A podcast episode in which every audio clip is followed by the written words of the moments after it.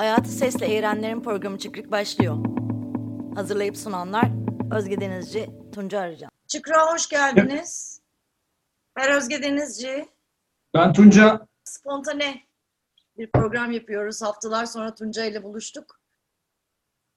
Ve birazcık e, ne olacak ne biteceği konuşalım istedik.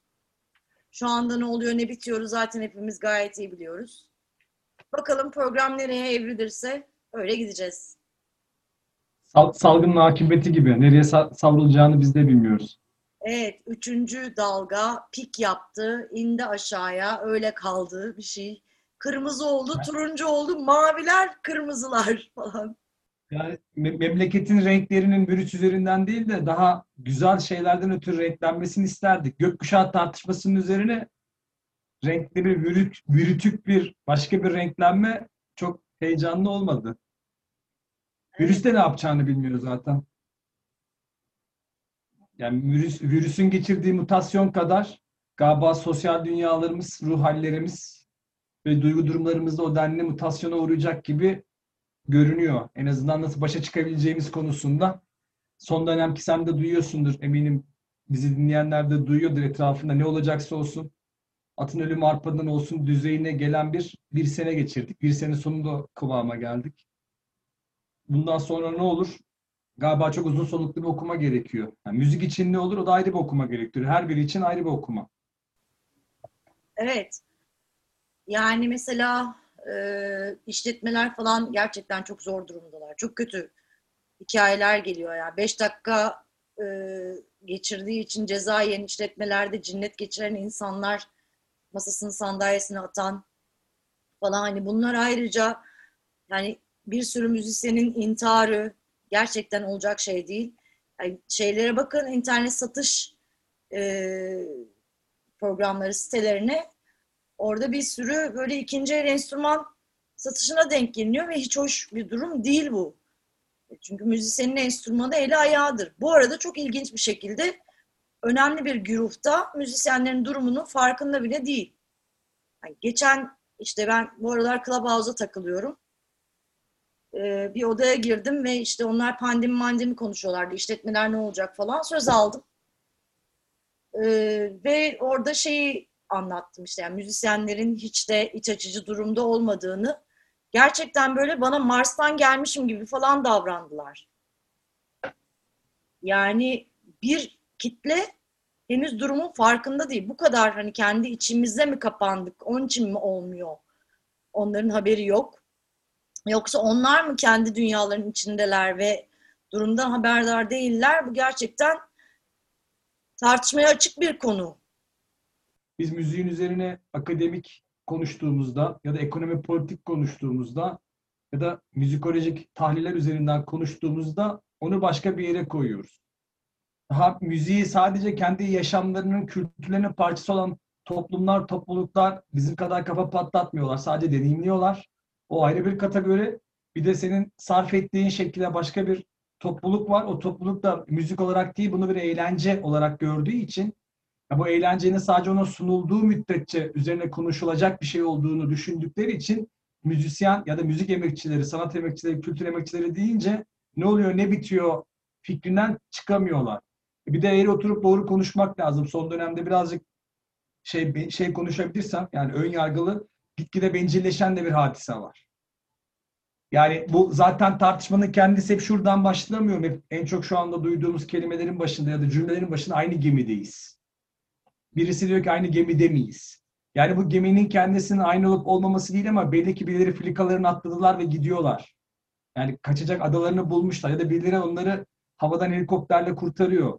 Hani geminin aynı gemide olma fikrinden hareketle oldukça bencilce değerlendirilen bir süreci deneyimliyoruz. Ki açıkçası Türkiye toplumunun son dönemi de çok bencilcedir. Yani beni şaşırttığını söyleyemem açıkçası. Yani ne çevremizde duyduklarımız, ne iktidarın söyledikleri, ne akademinin belli yaklaşımları bazı konularda çok şaşırtmadı. Yani bu ofansif yani saldırgan bir yerden, bencilce bir yerden eleştiri adı altında yapılan her türlü değerlendirmenin bazı konularda çok can yakıcı ve kırıcı olduğu çok aşikar ki dediğin gibi yani intiharların kendisine kadar. Yani basitçe şu söyleniyor. E zamanda para biriktirseydi. Ya orada çalmayı biliyordu. Burada eğlenmeyi biliyordu. Rakısını koyup bilmem ne yapmayı biliyordu. O da böyle günleri düşünseydi. Kim böyle günleri düşünerek hareket etti? Ya 1920'deki salgını düşünerek 100 yıl sonra hareket mi ediyoruz? Ya defalarca bir sürü bilim insanı söyledi. Bakın kapımızda bir şey var. Buna hazırlıklı olun.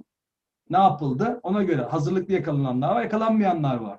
E, su bitiyor, kuraklık var. Küresel ısınma kaç yıldır konuşuluyor? Yani öyle bakarsanız hala şırıl şırıl suyunu akıtıp araba yıkayan da bahçesini yıkayan da var. Yani neye hazırlanıp hazırlama, hazırlandım? Konuşması çok kolay bu işlerin tabii. Yani hepimiz söyleniyoruz. Yani şu anda da biz de söyleniyoruz. Evet, Yani mesele ben- bu bencilliği nereden kılacak? Şeye ben de denk geliyorum. Yani işte kardeşim kendini güvence altına alsaydı. Özellikle de böyle bu popüler isimler biz onların sigortalarını yaptık. İşte günlük sigorta yapıyorsun, günlük yevmiye ödüyorsun. O kendi sigortasını yapsaydı bin kere kafalarına vurduk, anlattık, sigortanızı devam ettirin diye. Ama yapmamışlar, etmemişler falan diyerek böyle hani bana ne diyor o zaman da. Yani ben aşam zaten benim bencillik be- be- tam bencillik dediğim de belli bir yerden de bu. Eğer bir hata yapıldıysa, bir ihmal varsa bu demek değil ki ihmali yapanlar da sürünsünler, ölsünler, gebersinler. Yani böyle bir süreç değil ki çok toplumsal düşünmemiz gereken, çok kolektif hareket etmemiz gereken çok zorlu bir zaman bu. İşimize geldiğimiz zaman ulusal kimlik üzerinden çok misafirperver, dayanışmacı, aman efendim komşusunu önemseyen Türk insanı diye hava atmasını iyi biliriz. Sağa sola yemeklerimiz çok güzel, dilimizde, kültürümüzde müstesna demesini çok iyi biliriz. Ama iş çok ciddiye girip hadi hareket edelim. Bak kendimize çeki düzen verelim deyince de ya bir dakika o kadar uzun boylu değil o da sigortasını yatırsaydı. E bütün cevaplar bu kadar basit olsaydı zaten herhalde işler çok çabuk çözülürdü. Bu da olmasın. Ne olacak ki?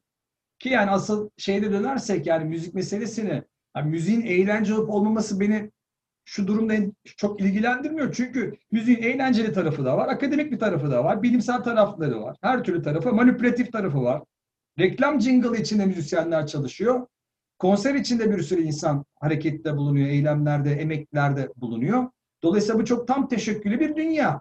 Şimdi bu dünyanın nasıl zarar görüp görmediği meselesiyle mi ilgilenmeliyiz? Yoksa ne halleri varsın gibi tam Adam Smith'in söylediği bırakınız yapsınlar, bırakınız geçsinler kafasından mı ilerlemeyiz? Zaten böyle travmatik durumlarda bakış açısını değiştirmediğimiz müddetçe bir şeyi değiştirememiş oluyoruz zaten. Ki yani bu çevrim içi konserlerle olmayacağı çok aşikar. Hani kendi başına bel- belki birazcık daha bazılarının yaşam kalitesi yükseltilebilir ya da olduğu gibi korunabilir. Ya da bir dayanışma ruhu üzerinden hareket edilebilir.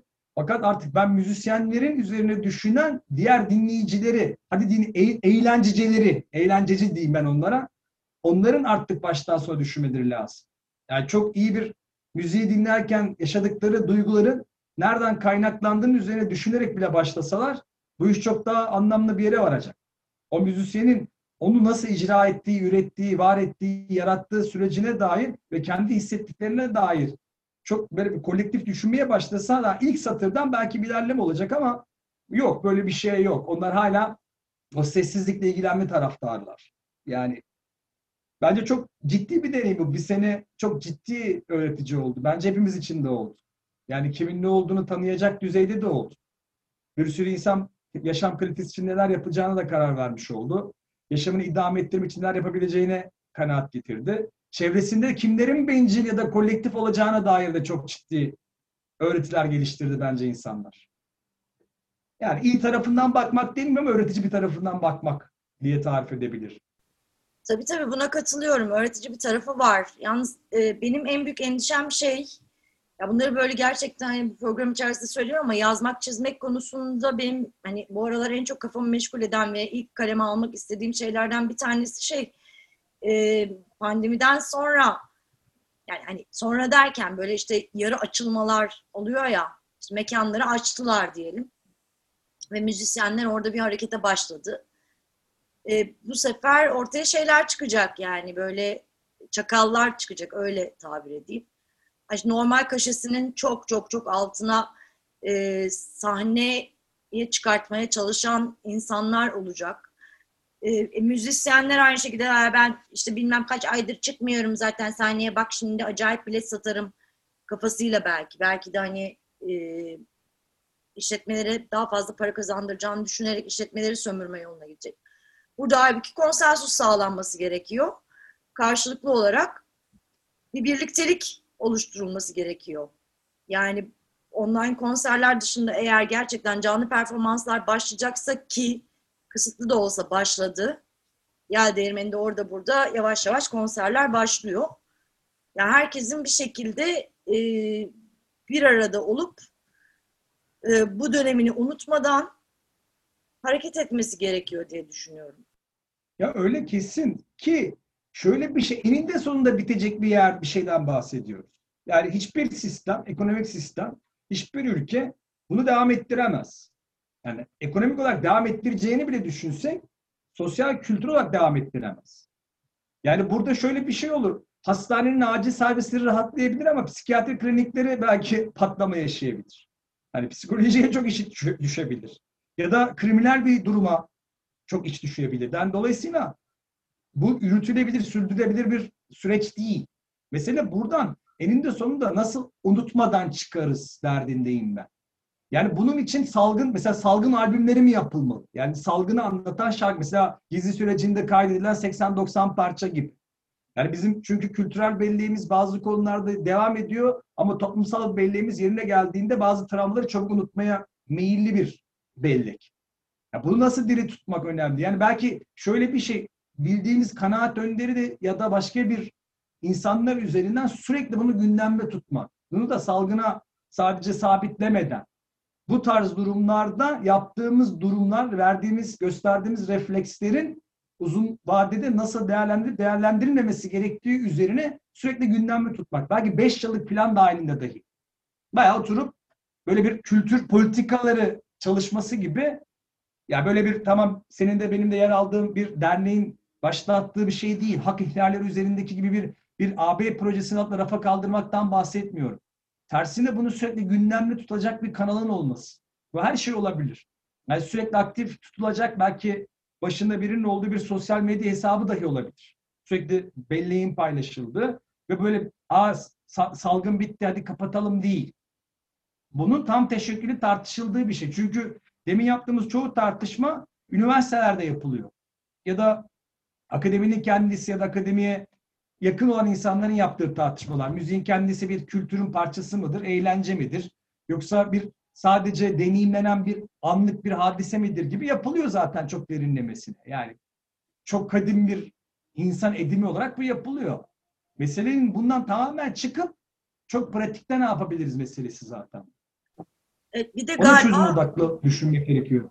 kesinlikle öyle yani yakınmanın ötesine geçmek gerekiyor bir şekilde. Çünkü herkes yakınıyor abi şöyle oldu böyle oldu şu şöyle oldu aman abi şöyle zarar gördük aman abi böyle bir şey oldu falan diye insanlar gerçekten birbirlerine bu şekilde yakınmanın ötesine geçmediler geçemiyorlar yani hani bir şekilde.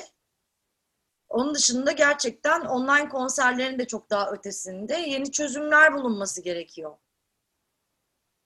Bir de çok yor, yorgun zamana denk geldi Özgür. Yani sadece salgının yorgunluğu değil, Türkiye'nin siyasal iklimi de çok yorucu bir yerde olduğu için insanlar bazı konularda zaten yılgındı. Yani hepimiz çok yılgındık bazı konularda.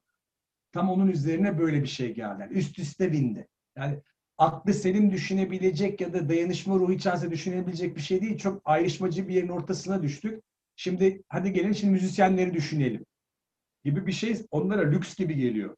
Ama yarın mekanlar açıldığında, konserler başladığında kız arkadaşım, erkek arkadaşım hangi konsere götüreceğim diye telaşlar başlayacak. Ses düzenini beğenmiyorum demeler başlayacak.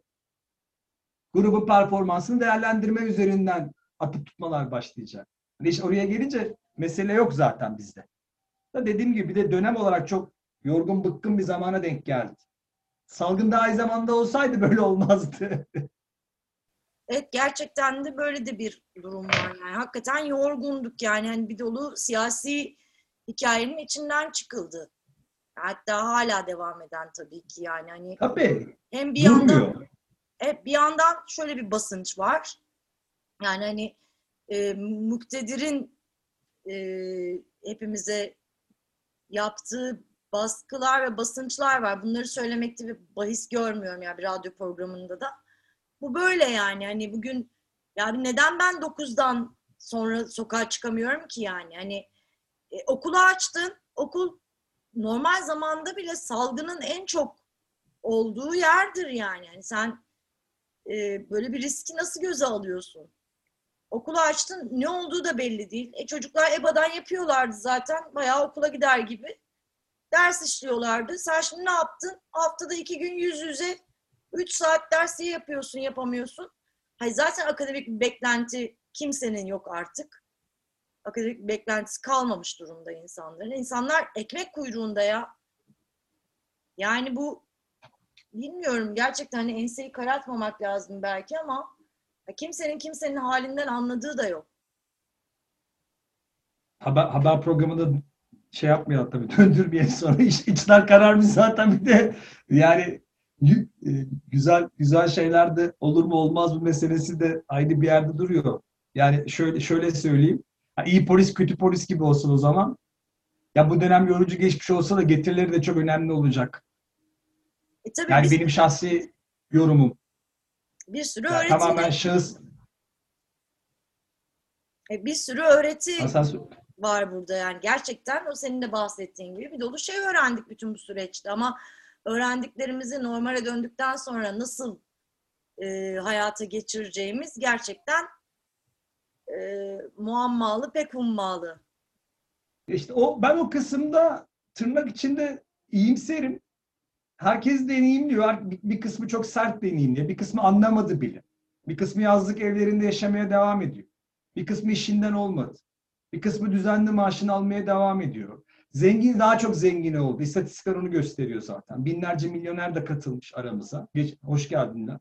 Yani böyle bir dünya da var. Fakat işte buradaki belki hem neslin deneyimleme süreci, bazı geçtiğimiz yolların kendisi üzerine düşünüldüğü zaman da çok öğretici ve anlamlı yollardan da geçirtebilir bizi. Yani çünkü bizim gibi toplumlar bazı şeyleri böyle acıla yaşamak durumunda kalıyor. Bu acılığın sonunda yalnız anlamlı işler de olmaya başlıyor. Yani çok şeyle yüzleşiyoruz. Ben hep şey derim yani 100 kişi de bunu 5 kişi düşünse dahi 5 kişi dönüşmüş olsa dahi bu çok kıymetli bir şey. Çünkü çarpan etkisi var. Onu derinden yaşayan, deneyimleyen o 5 kişi kulaktan kulağa onu büyütüyor. Dolayısıyla yani her şey oldu, bitti, unutuldu demeyecek o kadar çok insan olacak ki. Acılarıyla, kederleriyle, bu deneyimi nasıl yaşadıklarıyla ilgili o yüzden önümüz yani neslin kendisi de farklı deneyimli. Yani biz belli bir yaşta böyle deneyimliyoruz. Bunu 15, 18, 25'te de başka başka şekillerde deneyimliyorlar.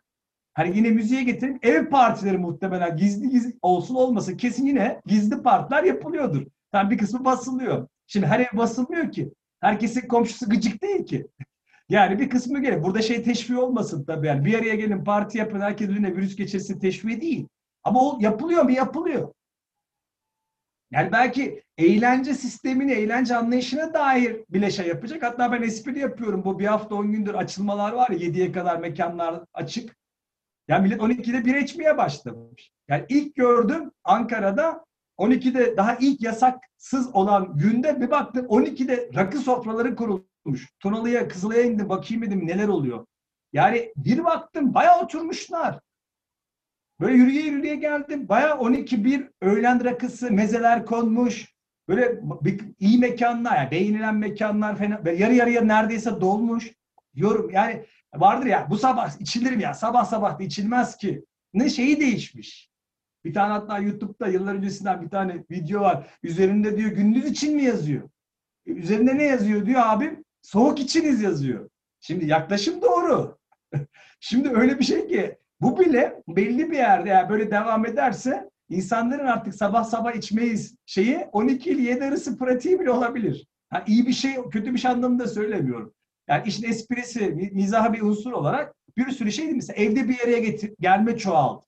Mesela kalmak durumundasın. Eğer 9'da 9'a kadar kalıyorsan 9'dan sonra misafirin geliyorsa en azından büyük şehirler için hani gidecek yeri uzak olanlar için bayağı kalmalı olmaya başladı. Ev yatılı kalış gidişlerin olması bile anla. Eskiden yatılı olurdu zaten.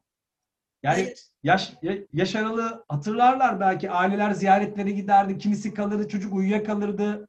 Bilmem ama sohbet uzadı gitmeyi verin şuraya kıvrılı verin vardı. Şimdi tekrar o başladı.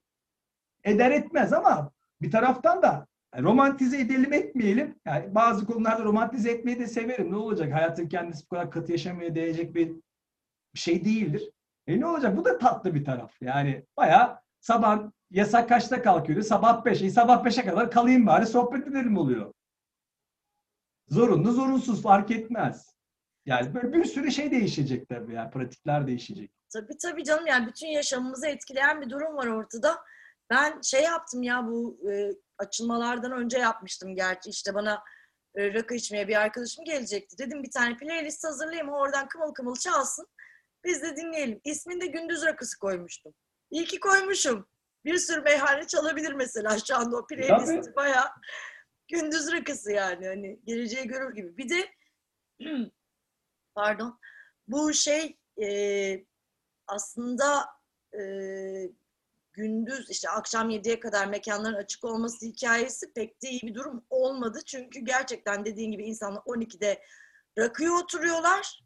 Kahvaltı yapmadan rakıya oturuyorlar. Kahvaltı yapmadan haba paba gidelim, bir haneye gidelim kafası oluyor ve yani ebeveynler için çok zor bir durum. Çünkü hani çocukları yatırdıktan sonra sokağa çıkan ebeveynler eve sarhoş döndüklerinde çocuklar uyumuş oluyordu. Şimdi çocuklar gündüz gündüz analarını, babalarını evet, hatta bu, bu anneannelerini sarhoş görüyorlar yani. Hani bu gerçekten aslında acınası bir durum yani. Hani ya tabii yani işin, işin dediğim gibi pratiklerin dönüşmesi üzerinden de ya işin aslında çok fazla eğlenecek bir tarafı yok. Yani yani gönül isterdi ki bu bir yasaktan ötürü değil kendi kendine bir deneyimle olsaydı. Şimdi biz bunu konuşuyoruz ama normalde 5 mesaisi olan da işten çıkacak da bir tane birasını rakısını mı düşünecek? Hadi bırakalım bir rakıyı düşünmeyi meblağ olarak, fiyat olarak onu nasıl içeceğini düşünen insanların olduğu yerde biz sadece kısmen esnafın adına seviniyoruz. En azından 12 ile 7 arasında elektrik su parası belki kısmen de olsa çıkar. Yoksa yani bu çok eğlenilecek bir taraf değil. Sadece her şeyi küçük küçük dönüştürür. Yani ev ziyaretini, kalmasını, etmesini, işte 12 ile 7 arasında olup biteni, mesai saatinde çıkarak koşarak bir bira içer miyim, bir kahve içer miyim, dışarıda sıcak yemek yer miyim? Hep pakete alışmışsın. Hemen bir tane belki sıcak bir yemek yer miyim telaşı. Yani bu, bu ama dönüşen, dönüştüren o süreci de çok farklılaştıran bir şey. Dolayısıyla evet bu çok eğlenilecek bir durum değil. Ama bazı şeylerin de bu tarafından bakmayınca da çekilecek eziyet değil. İsyan yani, çıkarsa, şey isyan çıkarsa şeyden çıkacak yani zaten alkol zamlarından falan çıkacak. Tabii olacak şey değil ya. Yani maliyeti normalde 3 lira 5 lira olan şeyi biz alıyoruz 15-20 liraya. Bu olacak iş değil yani. Hani bira ya bu bira.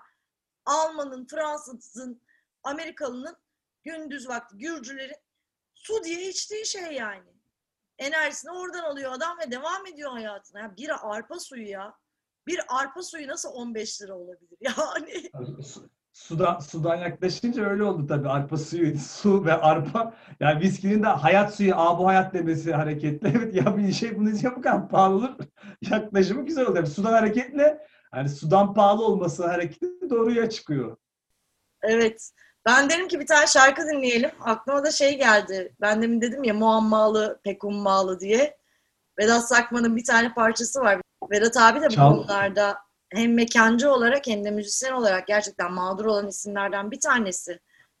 Ee, ve müzisyenlerle de bir şekilde dayanışma ağını örgütlemeye çalışıyor bildiğim kadarıyla elinden geldiğince. Valla şu anda Sakman Konak'ta geçen gün reklamını gördüm. Bayağı börek ve çay satıyorlar. Ya orası bir kulüp ya. Orası bir müzik kulübü. Orası muazzam bir kulüp. Bir sürü müzisyenin, bir sürü değerli müzisyenin, değer kime göre, neye göre tabii ki ama hani e, nitelikli müziğin yapıldığı bir alan yani ve adam orada şu anda börek satıyor. Vedat abiye buradan sevgiler saygılar diyorum. Ne dersin? Muammalı çok ummalı. Tamam. Tamam. Geliyor.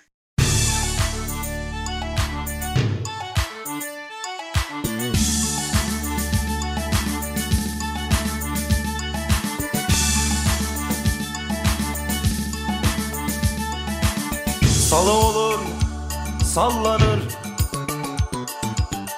Mendil gibi bir aşk bu Hafif nezle, özü güzel. Biçimseli dikenli aşk. Muammalı Çok hummalı. Muammalı hummalı aşk bu. Muammalı Çok hummalı. Muammalı hummalı aşk bu Zaman zaman sevgi kakan bir aşk bu.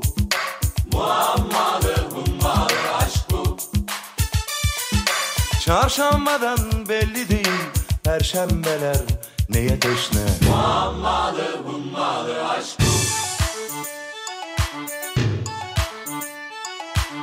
Gece çöker dellenir. Kandil gibi bir aşk bu 84'ün son günleri. Yağmur kokan bir aşk. Muammalı Çok hummalı. Muammalı hummalı aşk bu. Muammalı Çok hummalı. Muammalı hummalı aşk Zaman zaman sevgi kakan bir aşk bu.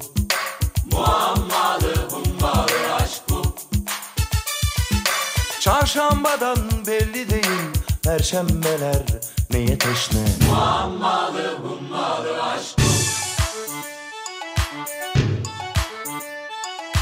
Muammalı Çok hummalı. Muammalı hummalı aşk bu Muammalı Çok hummalı. Muammalı hummalı aşk bu. Muammalı Çok hummalı. Muammalı hummalı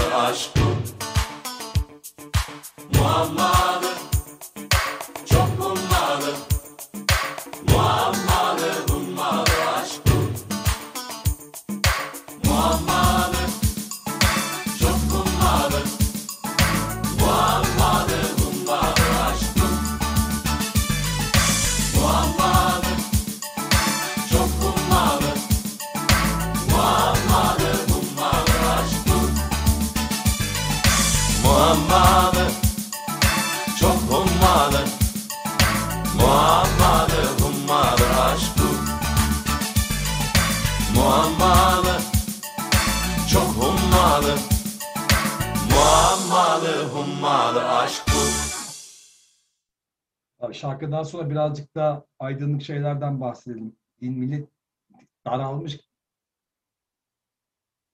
Evet ya benim bu yeni normal Karanlar, karanlar çekiyorsun sürekli. aslında işte içim kararmış falan değil bu arada yani gayet iyiyim aslında olduğum yerde. Ya Öyle de dinler dinlerken o yansımıyor ya. Ne olacak? Aman efendim şu eğitim gitti, ekonomi. Yani herkesin çok daha iyi bildiği gerçekten takip ediyor insanlar. Herhalde en fazla takip edilen bir döneme denk geldik. Evet İnsanlar evet. deli gibi tarih böyle takip ediyorlar süreci. Bir de şey Evet. şey var ya şey başladı. Bizi bizi buldu. Biz, biz mi yaşayacaktık bu salgını? Bize denk geldi. Yani hani duyan da işte modern dünya ne kadar yıllık zaten. Yani İspanyol gribini de öğrendik işte 100 100 sene önce. E zaten daha geçen gün yine açıkladılar. Bu daha başlangıç. Daha gelecek arka arkaya. Yani ha bize Ebola gelmedi diye zannediyorlar ki dünyada salgın yok. Ya bu arada geçen sene bakmıştım hani şu anda nasıl bilmiyorum ama durum AIDS'ten ölenlerin sayısı daha fazlaydı. Ya öyledir bazı istatistikler onu gösteriyor. Şimdi tabii gündemimizde sürekli bu olduğu için ya bütün hükümet bazında devletler işte ülkeler bilmem ne o kadar çok ilgileniyorlar ki tabii kafamı sürekli meşgul. Borsa takip eder gibi vaka sayısı takip ediyoruz. Aynen öyle oldu. HES'ten bulunduğun yere bak. Aman ben güvenli yerdeymişim. Alanım güvenliymiş benim. Öyle yazıyor ya. Güvenli Tabii işte alanımdayım. Evden çıkmazsam Yok. Ya evden çıkmazsan her yer güvenli tabii. O yüzden sen anlat. Datça, Datça'da, Datça'da müzik ortamlarını anlat. Ne yapıyorsunuz? Ne diyorsunuz? Biraz onlardan bahset. Valla ne yapıyoruz? Şu anda işte ufak ufak bir araya gelişler başladı. Birileri kayıt yapıyor. Kayıtlar geliyor. İşte o kayıtlar editleniyor falan gibi böyle ufak ufak öyle hareketler var. Onun dışında henüz öyle sanıyorum ki canlı müziğe izin verilmiyor bildiğim kadarıyla. Ee, yani bilmiyorum izin var mı yok mu? Bir tane DJ set yapıldı bir yerde sadece. Ben çalmayı çok özledim tabii ki. Yani hani birileriyle birlikte bu enerjiyi paylaşmayı çok özledim ama burada da kimsenin cesareti yok öyle hani hadi bir araya gelelim de eğlenelim, dans edelim kafası ne yazık ki yok. Zaten dans etmek yasak bildiğim kadarıyla. Yani kapalı ortamda evet. Zaten çok eğlenceli olmaz herhalde. Maskelerle bilmem nelerle dans etmek risk. Açık hava açık hava başlayacak düzeye geldi mi Datça'da bilmiyorum havalar. Hava gayet iyi. Açık havada da insanlar buluşuyorlar yani. Açık havada oturuluyor. Zaten burada buranın en büyük avantajı e, her ne kadar bazen inanılmaz soğuk yapsa da genelde günlerin güneşli olması ve insanların dışarıda e, sosyalleşebiliyor olması. Yani açık alanda, parklarda, bahçelerde buluşuluyor olması. Ya şey çok komikti. Ben bir kere bu kapa yani henüz daha mekanlar kapalıyken bir kere merkeze gittim. Bir arkadaşım gel dedi seni kahve içmeye götüreyim dedi. Ee, kafeteryanın alanı da aslında dışarıda. Ama böyle banklar koymuşlar. Banklarla kafeterya arasında 100 metre ya var ya yok. Herkes orada kafe kıvamında takılıyor ama adam masasına oturamıyorsun falan gibi böyle bu nasıl bir iştir ya, bu nasıl ironik bir durumdur diye gerçekten kendi kendime hayıflanmıştım. Yani o kadar şey ki yani hani böyle ya gerçekten aslında her şeyi kendimize uydurabiliyoruz ya da hani müktedir kendine yontabiliyor meseleyi gibi bir durum var ortada. Ya o kadar saçma ki her şey. Tamam hani enseyi karartmayalım falan. Konu, bunları zaten biliyoruz niye konuşalım ki falan. Evet ama komedi yani bir sürü şey. Ben gerçekten artık gülüyorum, gülerek karşılıyorum. Bol bol kalt izliyorum. İşte Ozan Akyol izliyorum falan böyle onları böyle gülüyorum falan. Yani yöntem bulunuyor. İşine gelince denetime geldiği zaman uyup uymadığına kafasına göre karar veriyor. Yani cetvelle ölçse uymaz. Bazen cetvelle ölçmek yerine göz ayarı karar veriyor. Bazen öyle veriyor. Diyor ki yani zaten normal şartlarda memleketimiz her kuralı harfiyen uygulayan, uygulatan bir memleket değil bir yolunu bulur, yordamını bulurdu. Salgında iyice ne zamandan çıktı. Diyorsun yani 5 dakika gecikti diye ceza yiyor esnaf. Ya şu esnafa 5 dakika için ceza yazan insanı merak ediyorum ben ne kafasında acaba. Ya Evet. bunu bunu yazan insan ma- maaşlı bir insan. Yani bir senedir neredeyse çok ağır şartlarda olan esnafın kendisi 5 dakika için yapılacak eziyet mi bu diye soruyor mu kendini bunu merak ediyorum. Herhalde galiba sonunda kraldan çok kralcılığa çıkıyor. Evet ya öyle 5 dakika. Yani bi- bilim insanları televizyonda tartışıyor. Yani açık havada burnun azıcık burasına gelmiş diye polisin ceza yazması gibi. Ha neler oldu işte adamcağızın birine Antalya'da ceza yazdılar. Evi yokmuş gidecek. Cebinde para yokmuş da ondan sonra polis girdi. İçişleri Bakanı devreye girdi de durumu çözüp cezasını üzerine. Ama orada ne var? O sırada medya var tabii. Ha, kameralar varsa işimi yapıyorum görüntüsü de vermeliyim. E, Bir eczanede gördüm işte ben bir video gördüm. İki kişi maskeli bir tanesi çay içiyor.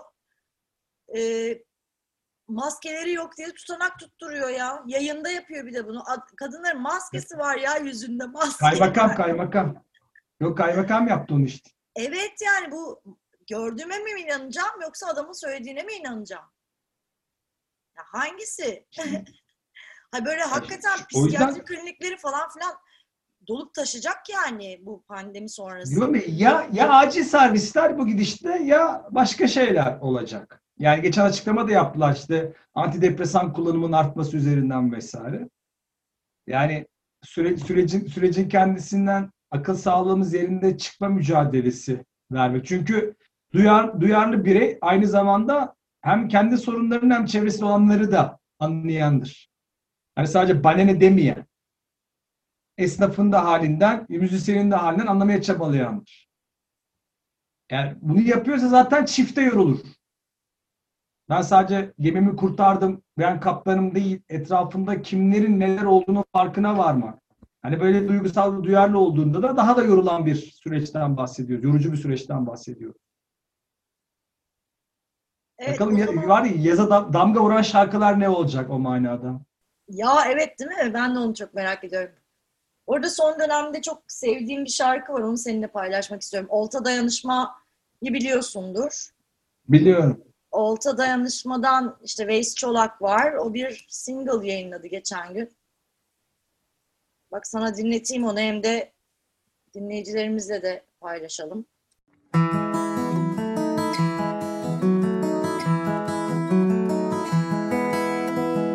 Rüzgarın uçurduğu geçmişim Zamanın birinde kaybolmuş Çok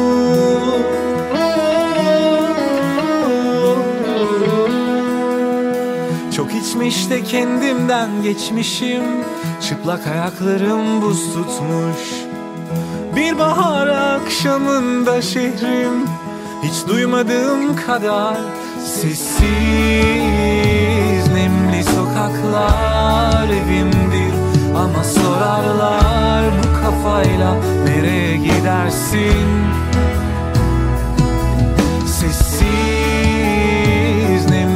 sokaklar evimdir Ama sorarlar bu kafayla nereye gidersin? Gönlümde bir deli geçmişi ver beni yorma. Yıllar geçiyor sanki bir gün gibi sorma. Ara sıra zorla geliyorsun belki aklıma sana geçiyor nazım ama demem eyvallah. Bir sana geçiyor nazım ama demem eyvallah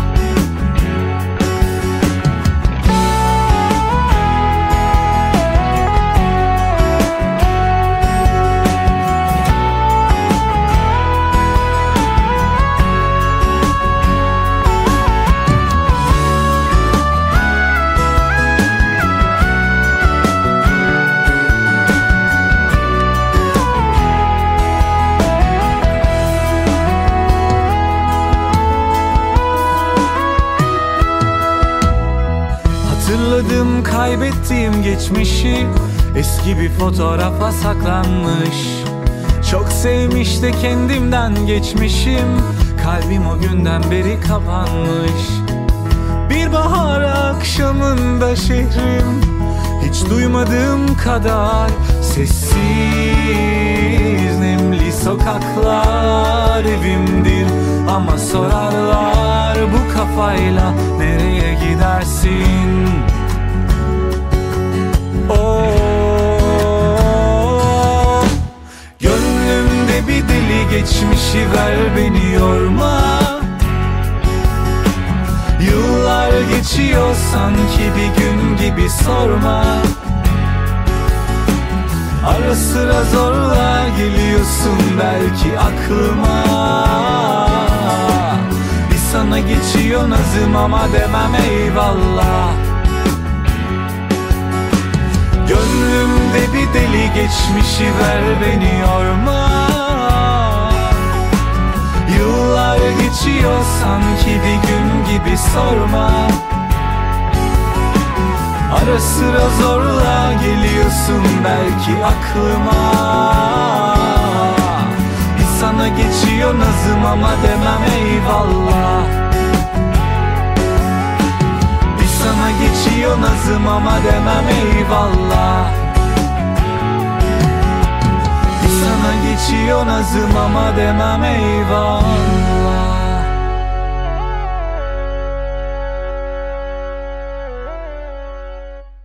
Beğendin mi? Gayet güzel, olumlu, Olumlu. iç karartan konuşmalarımızdan sonra Değil mi? Böyle bahar gibi şarkı yapmış. Bahar gibi yani. Bin, Evet, aç sonuna tam- kadar arabaya bin. Aç sonuna kadar sür böyle hani ağaçların arasından falan. Böyle bir his geliyor insana. Evet Bir evet o- çok ayd- aydınlık Evet, aydınlık yapmış. Tam ya- yaza damga vurmaz. Bahara bahara kesin vurur. evet. Umarım ki Bahar geldi tabii. tabii ben bugün bahçemi yaptım. Le. Ama bu durumdan memnun değiliz. Yine iç karartıcı olacak ama kuraklık var. Ağır kuraklık var. Yani hava Ankara'da neredeyse 10 gündür yani paltolar fazla geliyor. Yani bugün gömlekle rahat rahat gezebileceğimiz bir hava vardı. 4-5 gündür zaten böyle. Bu durumdan memnun değilim. Hatta bazen çok gıcıklık yapabiliyorum arkadaşlara. Bugün hava çok güzel diyorlar. Ama bugün güzel değil. Bugün güzel olmaması gerekiyor havanın. Havanın 15-20 gün, 25 gün kar yağmur yağdıktan sonra arada güneş açtığında hafif bir sıcaklık, lodo- lodos estiğinde "Ha, havalar güzelmiş değil. Hava güzel bugün diyebilmeliydik. Ben yaklaşık bir, bir aydır havanın güzel olmasını bekliyorum. Yani kış manasında güzel olmasını bekliyorum. Yani. Hiç kış olmadı ki. havalar benim için hiç güzel değil. Hiç güzel değil. E, kene istilası var burada. Bakma ben diyorum hani böyle günlük güneş, o hava ne güzel falan. Çınar gözümde kene yakaladı. Gözüme girmek üzereyken kene. E, bir arkadaşımızın evini kene basmış. Hiç kimyasaldan uzak duran bir arkadaş evini ilaçlatmak zorunda kalmış. E, sahilde oturuyorduk geçen gün üstümüze keneler bastı. Ya şaka değil bu gerçekten hoş bir durum değil. Ya istila düzeyinde kene hikayesi çok ciddi yani. Kiminle konuşsam bir kene hikayesi anlatıyor. Ve Kene'nin evet, mevsimi yüzden- bu, mev- bu mevsim değil Kene'nin mevsimi. Nisan'da Mayıs'ta çıkar Kene dediğin yaratık. O da böyle makul düzeyde hayvanların üstüne yapışır falan. Alırsın onu da böyle cımbızla zeytinyağıyla çıkartıverirsin falan. Hani bu olacak şey değil. Ben gerçekten endişeliyim bir taraftan yani. Bugün toprakla uğraştım birazcık. Toprak yanıyor yani. Cayır cayır. E, yağmur bekliyorduk bugün. Ya biz bir haftadır yağmur bekliyoruz. Bir damla yağmur düşmüyor. Yok işte o yüzden havalar güzel değil. Hiç değil hem de. Bazen arkadaşları görüyorum ya da haberleşiyoruz. Aa, bugün güneş var, keyfim yerinde, hava sıcak. Ya zaten kışı ne zaman yaşadık ki? Evet. Da işte neyse yine hiç karartmayalım. Yani bakalım bu sene biz bu yani hoş 2020 de geçsin diyorduk. Ben artık şey demeye başladım. 2021 de geçsin. Yine ölüler ölüler. Yani en yakın işte Rasim Öztekin gitti. Yani kendi alanımda metal müzisyenleri gitti. Yani böyle bir, bir buçuk ayda beş tane çok önemli müzisyen gitti. Türkiye'de zira öyle intiharlar oldu. Yani şunu demek durumunda kalmak tabii zor bir şey ama 2021'den birisi değil ama sanki 2022 farklı olacakmış gibi. O da korkunç. 2022 sayısında da 22 vesaire o sayılar hep lanetliymiş galiba bu iki sayıları. Şeyi düşünemiyorum artık mesela. Bir de sezon açılırsa yani espri olsun diye 2 Şubat 2 2 20 20 20 işte 2022 söylemesi bile zor. Herkes onu çullanıyor ya 2016 2006 6 Haziran 2006 6 6 666. Tabii bizim için önemli bir sayıdır o. Yani biz metalciler için önemli ama şimdi ben ne olacak onu bekliyorum. Seneye bir de biterse bu salgın ya da böyle bir yasakların kendisi hemen hemen hiç kalmazsa evet böyle bir yığılma olacak. Şimdi bekliyorlar dört gözle. İnsanlar böyle bir nikah, düğün bekliyorlar ya. Ya bunu yaparken tamam film aklıma geliyor. Cenaze ve düğün hesabı. Cenazesine gidemediğin durumlarda insanlar düğün yapmak istiyorlar. Şimdi espri dönüyormuş galiba. Bir arkadaş söyledi. Birkaç saat içinde ne kadar çeyrek toplanabilir, ne kadar para işte şey toplanabilir. Şey gibi kaç bira içersin iki saatte? 12'den 7'ye tamam da hemen hemen hızlı hızlı yapalım takı törenine çabuk geçelim. Hızlandıralım bunu. Atlayalım bunu, atlayalım bunu. Gibi bir şey yani böyle çok tu- tuhaf bir dönem. Atlatacağız ama atlatacağız. Sonunda atlatacağız. Evet. Bahar, bahar kokulu şarkılar evlilik oldu dedin. müddetçe de atlatılır. Evlilik dedin aklıma geldi. Nüfusa gitmeye çalışıyorum ben. Nüfus cüzdanımı, kimliğimi falan filan yenilemem gerekiyor. Pasaportumu, bütün evraklarımı. Cık, randevu alamıyorum. Yok. Ve nüfusa gittim. Dedim ki ben randevu alamıyorum yani. Sistem bana randevu vermiyor. Bugün açılacak, yarın açılacak, bugün açılacak, yarın açılacak. Ben sürekli olarak internet üzerinden randevu takip etmeye çalışıyorum. Hani sistemin işlememesi durumu var. Ulan zaten e-devlette bütün her şeyim e, kayıtlı. Boşanmış mıyım, evlenmiş miyim, ölmüş müyüm, kalmış mıyım her şey kayıtlı. Benim rica etsem o yeni e, kimliklerden benim adresime postalar mısınız? Medeni halin değişmiş. Değiştiremiyorsun kimliğini. Bırak hani evlenecek olsa da evlenemezsin yani şu anda. Nüfusa gidemiyorsun çünkü. Feci korkunç bir bürokratik şey de var yani ortada böyle bir hezeyan durumu da var yani. Hiçbir şey yapamıyorsun. Ay nedir bu yapacaksın? normal? Tunca. 7'ye kadar 7'ye kadar bir içeceksin. 7'ye kadar bira içeceksin evet. Sonra Parası, parası olan. Çınar falan böyle sarhoş haline görecek. "Ee" falan. Yani artık belki ona da alışacaklar. yani yine dediğim gibi teşvik gibi olmasın ama sonunda birileri bir şeyler alışacak yani. Buna da alıştık yani. Biz ben de- zaman algısının değişmesi üzerine çok felsefi, sosyolojik tartışmalar uzun zamandır yapılıyor. Yaşlandıkça zaman nasıl algılanır gibi. Demek ki salgında da bir sene olmuş yani. Şaka gibi bir sene. Yani demek ki bir algılarımızın değişimi, dönüşümü, komple teorilerindeki yaratıcılık, işte bahar kokulu şarkılar yaratıcılığı arttırdı mı, arttırmadı mı? Hak ihlalleri, yani konuşulacak, üzerine kafa patlatacak o kadar çok bir süreç var ki önümüzde, uzun bir süreç var ki. Bakalım buradan kim nasıl çıkacak? Ben onu bekliyorum açıkçası. Belki bir sosyal bilimci olmanın da getirdiği bir şey. Bakalım ne olacak şimdi?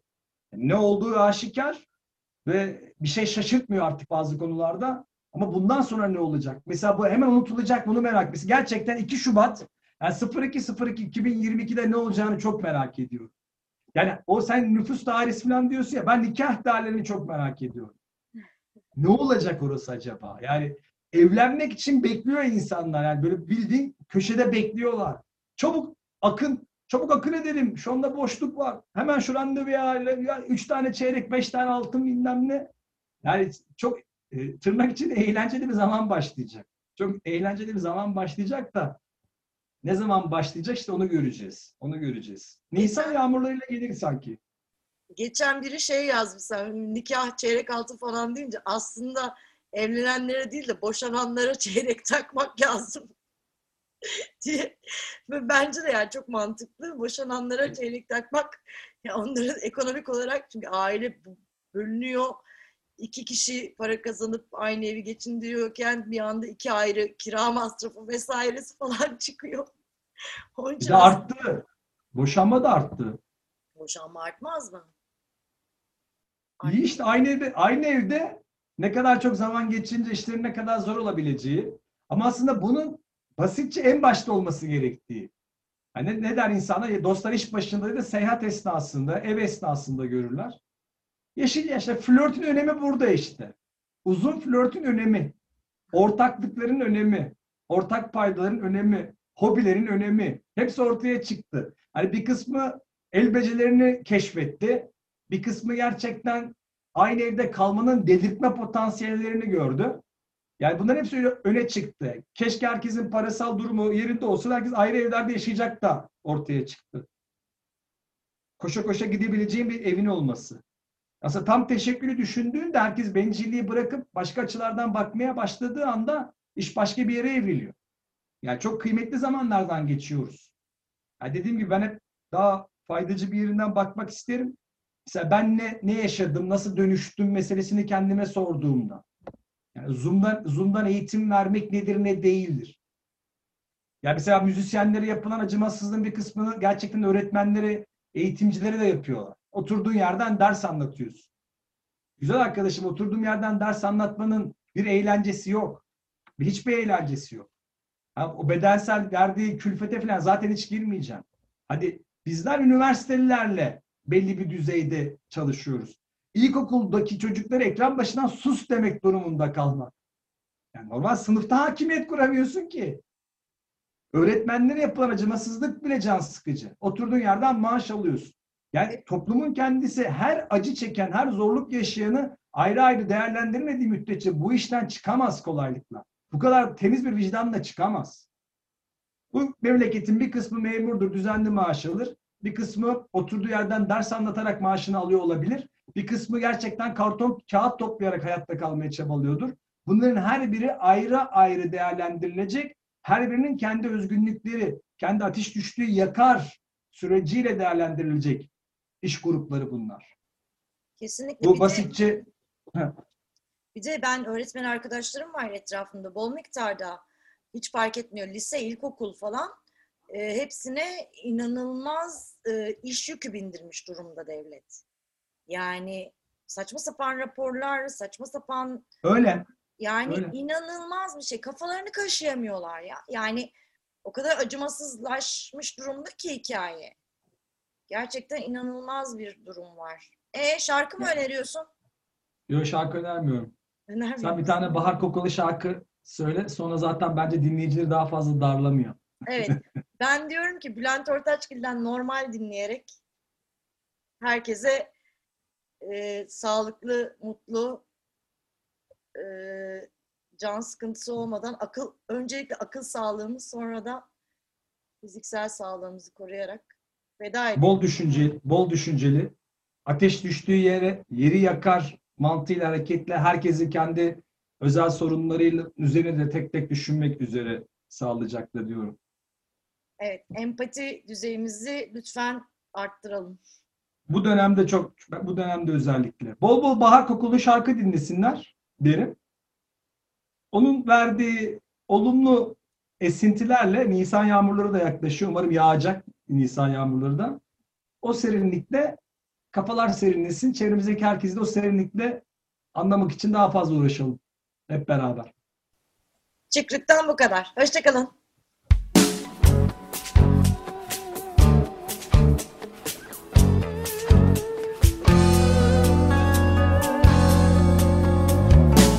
Biralar soğuk mu dedim.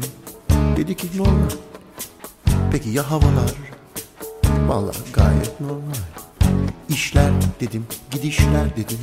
Hepsi normal.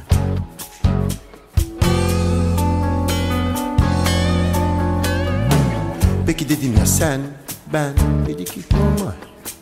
Peki biz ikimiz vallahi gayet normal. Halimiz dedim ne dese beğenirsin normal.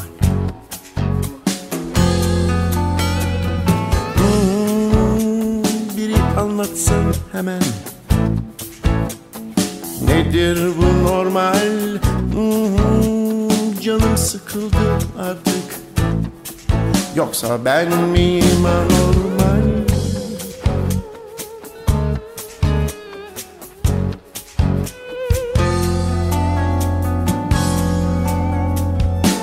Peki dedim ya Türkiye Dedi normal ya AB diye sordum. Dedi çok normal. Peki ya ABD Dedi ki normal.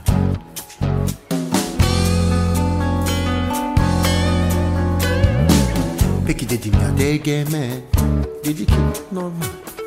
Ya o hal o kadar değil bilmem. Normal. Peki GAP, ZAP, Hasan Keyif Hepsi normal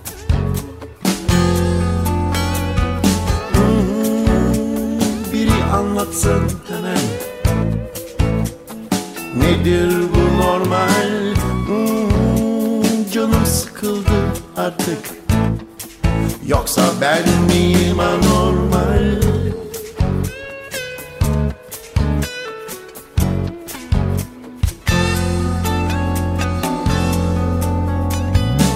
Peki dedim ya medya, rütük Dedi normal.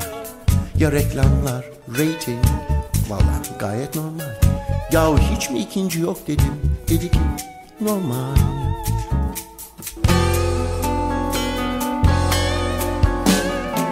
Peki ya trafik, katliam?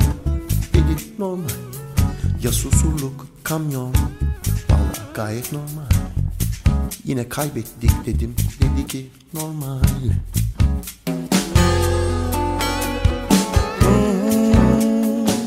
anlatsın hemen. Nedir bu normal? Hmm, Canım sıkıldı artık. Yoksa ben miyim anormal? Hmm, Biri anlatsın hemen. Nedir bu normal? Hmm, Canım sıkıldı artık. Yoksa ben miyim anormal